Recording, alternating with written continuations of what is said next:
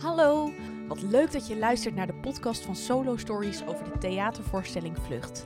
Ik ben Annemiek Lely en ik ben mede verantwoordelijk voor de productie en ontwikkeling.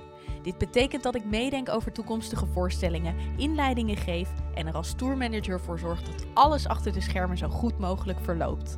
De komende weken neem ik jou mee backstage. Ik praat met de makers, samenwerkingspartners en anderen die met de thematiek van vlucht te maken hebben. Veel luisterplezier! Vandaag ben ik op bezoek bij Stichting Vluchteling. De organisatie die noodhulp als medische zorg, onderdak, voedsel en schoon drinkwater biedt aan vluchtelingen en ontheemden, maar ook klaar staat bij mensen die te maken hebben met langdurige humanitaire rampen. In dat geval zorgt Stichting Vluchteling voor onderwijs en steun bij de verwerking van traumatische ervaringen. Tegenover mij zit directeur Tineke Seelen, die over de hele wereld vluchtelingen en ontheemden bezocht heeft om noodhulp en ontwikkelingshulp te bieden. Fijn dat je te gast wil zijn in onze podcast. Ik ben heel benieuwd, wat is voor jou het moment geweest waarop je dacht: ik ga mensen helpen? Eigenlijk al heel jong. Mijn ouders hielpen uh, Overigens tot onze grote ergernis vaak. Hè.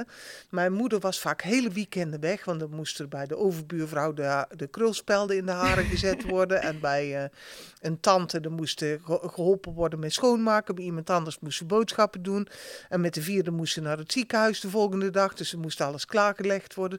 Dus die was daar vaak um, heel vaak mee bezig, was ze niet thuis. Uh, en mijn vader, uh, die deed het op zijn manier. Hè. Die, uh, mijn vader was een groot, ja, fan is een beetje een raar woord om in dit kader te gebruiken. Maar mijn vader had enorm respect voor de missie. En um, als vanuit de missie er een verzoek kwam voor financiële ondersteuning, dan steunde hij ongeacht wat het was. En uh, daardoor kregen wij heel veel tijdschriften, brieven vanuit de tropen, uh, fotoseries, foldertjes. Je kon zo gek niet bedenken. Uh, en die las ik gretig. Dus ik maakte al heel jong kennis met andere culturen en met het grote verschil tussen arm en relatief rijk en kansarm en kansrijk. En dat heeft mij, denk ik, al heel jong gemotiveerd om te gaan doen wat ik vandaag de dag doe. Ja, want je bent culturele antropologie gaan studeren. Ja, dat kwam eigenlijk direct voort uit. Ik was een hele lastige puber, laat ik het maar toegeven. Ik ben op mijn zeventiende door mijn ouders op het vliegtuig gezet naar uh, een tante van mijn moeder in Canada, in Ontario. Nou, ik kan je vertellen, daar kan je geen kwaad uitrichten. Uh, mijn uh, tante en oom, die hadden een grote mais- en varkensboerderij. Nou, zover als dat je kijken kunt, zag je alleen maar land en mais. En verder helemaal niks. En ik moest helpen op die boerderij. Dus ik stond om half zes op en uh, ik viel uitgeteld neer aan het einde van, uh, van de dag. Maar niet ver van um, de boerderij van mijn tante was een indianenreservaat. En ook dat vond ik ongelooflijk interessant. Hoe, ik, ik kende natuurlijk de series, de, uh, de laatste der Mohikanen. Hè. Dit, ik kan hem nog uittekenen. Ik, ik, was, ik vond het een fantastische serie. Vooral ook de trots van de Indianen. Een mooi volk, een trots volk, wat leeft in de natuur. En als je daar in het Indianenreservaat kwam, dan herkende je niets van die trots. Uh, het leven in de natuur, het, uh, wat, je, wat je zo bewonderde in die serie. Nou, dat is echt nergens te zien in die reservaten. En Toen dat... bleek die serie bleek echt fictie te zijn. Nou, misschien is hij ooit geen fictie geweest, maar dat is dan al heel lang geleden. Ah, zo, de ja. manier waarop die Indianen ooit geleefd hebben, uh, zal ongetwijfeld geleken hebben op wat we gezien hebben in de laatste der Mohikanen. Maar wat je ziet in uh, de reservaten vandaag de dag, is een heel ander verhaal. Dat is armoede, dat is smerigheid, dat is ellende, dat is overleven, alcoholisme, uh, alles erop en eraan. En ook dat, ik, ik vond het echt, ik vond het onbestaanbaar. Dat je uh, als um, uh, rijke westerling of relatief rijke westerlingen in Canada een boerderij kunt beginnen, eigenlijk op hun land. Dat, het, het stuitte mij direct tegen de borst, zo jong als ik was. Dacht, ik dit is eigenlijk heel oneerlijk. En hoezo doe je er niks aan om die mensen te helpen die hier een klein stukje verderop zitten. Daar is Ja. echt het gevoel van niet tegen onrechtvaardigheid kunnen ontstaan, als ik het zo ja, hoor. en een grote belangstelling voor hoe kan dit nou? Hoe, hoe heeft zich dit zo kunnen ontwikkelen van een trots, prachtig volk met mooie gebruiken. En nu zit je hier eh, eh, biertjes te zuipen in een, eh, in een verloederd reservaat. Hoe kan dat nou? En daar kwam mijn keuze culturele antropologie vandaan. Kun jij daar nu een antwoord op geven? Hoe kan dat nou? Het is ehm, kansloosheid. Ehm, eh, het is racisme, puur onversneden racisme. Het is ehm, eh, achterstelling. Het heeft allemaal met elkaar te maken. Ik, eh, ja, daar kan ik me best wat eh, bij voorstellen. Als je een traditionele manier van leven van mensen afpakt. Als je nou kijk eens wat de berichtgeving uit Canada van de laatste dagen. Hè, dat de kinderen van de Indianen die werden afgepakt, die werden in een eh, katholiek eh, weeshuis gezet, verplicht. En daar eh, opgevoed op de manier waarop de mensen in Canada destijds vonden dat ze opgevoed moesten worden. In een nieuw geloof gedwongen. Werd verboden dat ze hun eigen taal zouden spreken. Ja, wat denk je dat je dan krijgt als je dat doet? Lijkt me heel traumatisch. Het lijkt me zeer traumatisch. Het lijkt me ook zeer traumatisch om nu, het is lang geleden dat dit gebeurd is, maar de families leven nog. Mensen weten nog dat dit gebeurd is. Al was het maar uit de verhalen van hun ouders of van hun grootouders. Wat denk je dat dat doet? Met, met je samenleving? Met, Ja. nou ja, Ik heb een tijdje gewerkt voor ehm, een project Open Joodse Huizen heet dat. En dat gaat dus eh, over het vertellen van verhalen van voor de oorlog. Van hoe zag het Joodse leven er voor de oorlog uit. En als jij dit vertelt, doet dat me daar heel erg aan denken. Dat leven is er niet meer. En dat leven, dat is door een vreselijke oorlog, in dit geval, nou ja, eh, genocide mogen we zeggen, is dat stopgezet. Nou, dat is hier ook. Maar dat is niet iets wat daarna niet meer in de herinnering is. Integendeel, dat gaat nog generaties door. Juist omdat het een verloren verleden is. ja, nee, dat blijft bestaan. Ja, Dit is niet weg. Nee, Ja, precies. en dit was het verhaal van de Indianen. Als je het gaat vertalen naar. eh, ik, ik schuif net de krant opzij toen jij binnenliep. En ik las net een ingezonden brief van Bibi, Bibi van Ginkel. eh, over eh, de berechting van IS'ers, de Islamitische Staat. We hebben Nederlanders die uitgereisd zijn naar Syrië en zich daar aangesloten hebben bij de Islamitische Staat. En IS heeft zich schuldig gemaakt aan genocide op de Jezidis. Een volk eh, wat op de grens Syrië-Irak leefde. Eh, die zijn in hun dorpen overvallen. Mannen en jongens zijn vermoord veelal. En eh, vrouwen en meisjes en jonge jongens zijn meegenomen tot slaaf gemaakt. De jonge jongens werden getraind als welpen van het kalifaat. En dat waren, die moesten meevechten. Die deden dan natuurlijk de meest gevaarlijke dingen. Of werden ingezet als levende bom. Die eh, kregen bommen op hun lijf eh, gespeld. En dan werden ze ergens naartoe gestuurd en van een afstand tot ontploffing gebracht. Stelletjes voor, hè? je kind, je kind. En de vrouwen en meisjes werden ingezet als eh, huishoudelijke hulp, als kokkin en als seksslavinnen. En dat, ja, weet je, dat. ehm, Als jij dit zo vertelt, dan hoor ik het en dat raakt me. En tegelijkertijd kan ik me er zo niks bij voorstellen. En dat is wat heel veel mensen hebben in Nederland. Dan kijk ik naar jou en dan denk ik, jij hebt het gezien. Ja, ik heb veel Jezidis gesproken en tot op de dag van vandaag raakt mij dat. Ja, Ik heb met een aantal van hen heb ik zelfs nog WhatsApp-contact, ondanks het feit dat we elkaars taal niet spreken en eh, zij geen Engels spreken, dus ik kan eigenlijk niet met ze communiceren. Dus we sturen gewoon filmpjes en foto's heen en weer, waarbij ik zwaai of ik stuur een hartje of een bosje bloemetjes of zo. En dan krijg ik foto's terug waarin ze strak in het gelid naast elkaar staan en laten zien dat het goed met hen gaat. Of eh, laten zien hun tenten, die Jezidis die het overleefd hebben. eh, die zitten nu, oh, een groot deel is verspreid over de hele wereld terechtgekomen. Waarbij dus ook hele gezinnen uit elkaar getrokken zijn. Stelletjes voor, hè? je moeder en je zusjes in Canada, je broertjes en je vader vermoord. En jij, ehm, ik, ik pak nu een verhaal wat we heel recent meegemaakt hebben. Op je tiende ontvoerd, verkocht geweest van de ene naar de andere IS-strijder. Door al die IS-strijders, Joost mag weten hoeveel het er geweest zijn, misbruikt. Op En je op- tiende. Op je tiende. En op je zestiende kom je vrij en je komt in eh, Irak. En je komt erachter dat je moeder en je zusjes heel ergens anders zijn. In een heel ander land. En om herenigd te worden met je moeder en je zusjes, is er een enorme Himalaya aan eh, bureaucratische rimram opgeworpen.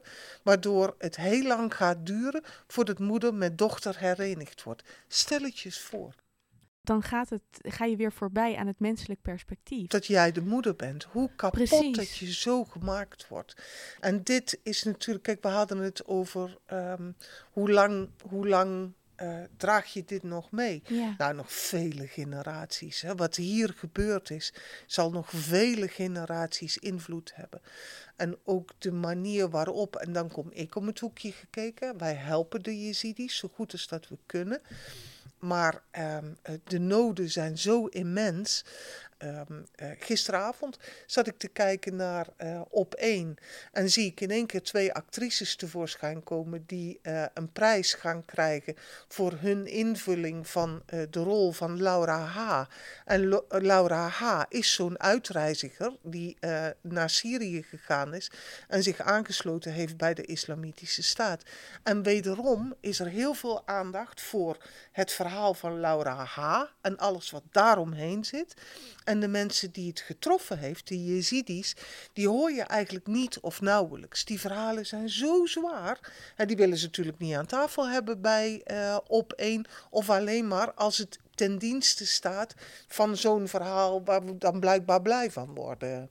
ja. Dit- er zijn boeken, er zijn podcasts, er zijn eh, eh, televisieoptredens, er is, zijn interviews met Laura H. En dat, het, bij mij schuurt dat aan alle kanten. Van hoe, hoe, en, en de slachtoffers dan. ja. En zo'n zo'n 16-jarig meisje dan. dat wordt waarvoor op het internet toen eh, bleek dat het heel lang ging duren om moeder met dochter te herenigen. Je moet je voorstellen dat zelfs de kantoren waar je moet zijn om de papieren op te halen die je in moet gaan vullen gesloten zijn vanwege corona. En daar zit je dan als kind. En toen is op een gegeven moment heeft iemand bedacht. ehm, Laten we dan moeder op noodpapieren terugvliegen naar Irak om in ieder geval die dochter te kunnen zien dat ze vrij is, even vast te kunnen houden, dat ze even samen kunnen zijn. Laten we dat dan doen. Maar daar was natuurlijk geen geld voor, er is geen potje voor. Ja, eh, Laura H., er is wel van alles voor. Hè? Hoe, hoe kan dit? Nou, toen zijn ze op het internet een inzameling begonnen om geld bij elkaar te halen, waarbij het verhaal van dit meisje verteld werd, waarbij foto's van dit meisje gebruikt werden. Ik zit op een avond op de bank en ik zie dit zo voorbij komen op social media. Ik denk, nee, maar dat kan niet. En toen hebben wij die rekening opgepikt en ervoor betaald dat de moeder samen met een broertje, wat het ook overleefd had, naar Irak gevlogen is en daar eh, herenigd zijn met, eh, met dit meisje. Oh jeetje, en dan, dan gaat het om dat moment dat ze elkaar weer kunnen zien. Maar de toekomst blijft nog steeds natuurlijk heel... Natuurlijk. Je weet, je weet niet wat er verder gaat dit, gebeuren. dit zijn, kijk, ik voel me natuurlijk heel goed bij dat we dit gedaan hebben. Ja, ik vind het fantastisch. ja. Maar ik realiseer mij drommels goed dat dit op het grote, het grote verhaal, het grote geheel der dingen, daar hebben we het nergens over. nee. Dit meisje is, is misschien wel honderden, misschien wel duizenden keren verkracht geweest. Eh, dit meisje heeft de vader en de broers verloren. De moeder zit ver weg, is ontworteld geraakt. Eigen dorp is verdwenen. Eh, ze, is, ze heeft zes jaar scholing gemist. Hè, pik dat maar weer eens op en is zwaar getraumatiseerd. Hoe, hoe maak je hier ooit weer een, eh, een beloftevol leven van? Ja, Ja, vertel het maar, ik weet het niet. ik kan me voorstellen dat voor jou het voelt als dit is in ieder geval het minste dat we kunnen doen. Ik vond het heel belangrijk om dit te doen. Ja, ook om een signaal te geven, het kan ons wel degelijk schelen. ja. Het maakt ons uit. Jullie zitten daar te verkommeren en te verpieteren in echt miserabele kampen in eh, Noord-Irak. Ehm, we, we doen van alles om te helpen, maar het staat in geen verhouding tot de hulp die deze mensen nodig hebben. Maar het maakt ons uit. ja, dat is het allerbelangrijkste. Het doet ertoe. Deze mensen doen ertoe. Ze doen het toe. Precies. Heb je misschien nog meer voorbeelden? Want er zijn heel veel mensen die kennen natuurlijk Stichting Vluchteling bij naam. Die denken misschien aan reclames die ze gezien hebben. Of aan de Nacht van de Vluchteling natuurlijk. Of uh, hebben ergens anders de organisatie opgepikt. Maar wat doet Stichting Vluchteling nog meer? Kun je daar een beetje een beeld van schetsen? Nou, wat wij doen, we geven noodhulp aan uh, mensen die op de vlucht zijn voor oorlog en geweld. En dat kunnen mensen zijn die op de vlucht zijn in eigen land. Dan noemen we ze ontheemden. En uh, de meeste mensen die op de vlucht slaan, die blijven zo dicht mogelijk bij huis. Dus in Syrië zitten bijvoorbeeld miljoenen mensen die in eigen land gevlucht zijn. En dat geldt ook voor bijvoorbeeld de laatste reis die ik gemaakt heb voor uh, corona uh, het reizen onmogelijk maakte. Was ik in Nigeria en daar zijn ook miljoenen mensen op de vlucht in Noordoost-Nigeria die het slachtoffer geworden zijn van Boko Haram. En uh, ook een extremistische um, uh, beweging die uh, zich aangesloten heeft zelfs bij de islamitische staat, maar dan in Afrika. En uh, er was vanochtend ook weer in het nieuws dat, um, dat er weer, ik geloof 150 kinderen ontvoerd zijn in Noordoost-Nigeria. Die zijn van een kostschool gehaald door deze beweging. De Chibok-meisjes, waar, waar veel actie voor gevoerd is dat ze terug moesten komen, is in dit gebied. En ontvoeringen is een uh, verdienmodel voor Boko Haram. Die ontvoeren mensen, dat doen ze heel bewust, en uh, die kun je dan terugkopen. Ja, ongelooflijk hè? Ja, ja, dat is echt is onvoorstelbaar. Dat is ja. echt weer, ik heb weer precies hetzelfde wat ik net had. Dat, ik hoor het, ik weet dat het bestaat, alleen ik, ik kan er niet bij met mijn hoofd. En ik denk dat heel veel mensen dat hebben. Dat ze, um, je weet het, maar je, je je kunt er niet bij. Nou, misschien is dat maar goed ook. Hè? Want ja. als je hier wel bij kunt. Kijk, ik, ik, Jij kan hier wel bij. ja. Ja. Uh, ten eerste omdat ik er kom hè, en ik spreek de mensen die het getroffen heeft. Ik zie hen, ik hoor hen, ik ruik hen, ik voel hen. Hè, het, uh, ik ben in, uh, daar waar ze nu wonen, vaak in tenten of in, in krakkemikkige onderkomens gemaakt van puur afval. Of nou ja, verzin het maar. Hè. Mensen wonen in Syrië uh, en in de omringende landen. Ben ik op bezoek geweest bij mensen die wonen in transformatorhuisjes. Ja. Uh, of in oude garageboxen. Of in, je kunt zo gek niet verzinnen. Huizen die niet afgebouwd zijn. Of huizen die op het punt staan om afgebroken te worden. Waar geen, geen uh, muren in zitten. Waar uh, geen trapleuningen in zitten. Waar geen ramen in zitten. Waar het ijskoud of snikheet is. Ik ben er geweest. Hè? En ik, als ik je zo vertel, dan ruik ik nog het stof. Hè? Ja. Het, um, Een hele indringende ervaring moet dat zijn. dat zijn allemaal hele indringende ervaringen. En um, kijk, ik kan het voelen, ik draag het met mij mee, maar het beschadigt je natuurlijk ook. Hè? Het zijn allemaal krassen op je ziel. Dus soms tel je zegeningen. Is het ook heel fijn dat je, niet, dat, dat, dit, dat je het niet kunt bedenken hoe dit moet zijn. Is dat ook de manier waarop je het volhoudt? Toch de zegeningen tellen? Toch kijken dat uh, zo'n moeder, ja, ook al is het maar voor even naar Noord-Irak kan om haar dochter te zien? Ik kan dit werk alleen maar doen. Nogmaals, ik heb aardig wat krassen opgelopen Ja. op de ziel. Ik kan dit werk alleen maar doen omdat ik weet, ik zie en ik voel dat we een verschil maken. En soms is het een heel klein verschil. Hè, zoals uh, met dit meisje en haar moeder.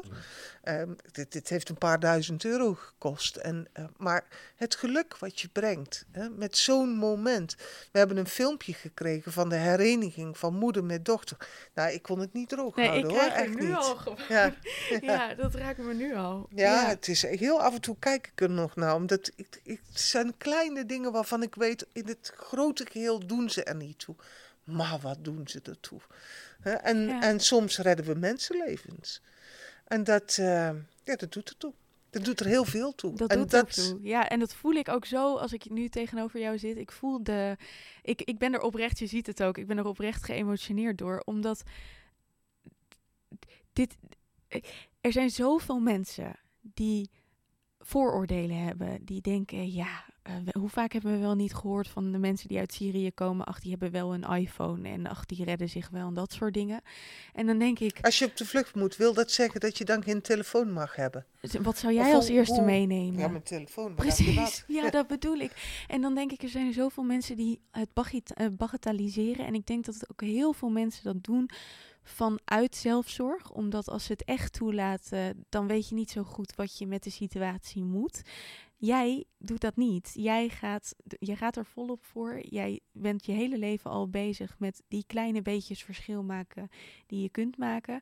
Ja, dat raakt mij gewoon. Hmm. Ik vraag me heel erg af, als jij naar de toekomst kijkt, hoe kijk je daar dan naar? Hoe kan je, eh, hoe kunnen we misschien ooit de wereld een beetje beter maken? Door bij jezelf te beginnen. Doe er eens wat aan. Het goede voorbeeld geven. Geef het goede voorbeeld en denk niet dat het niet uitmaakt. Het maakt wel uit.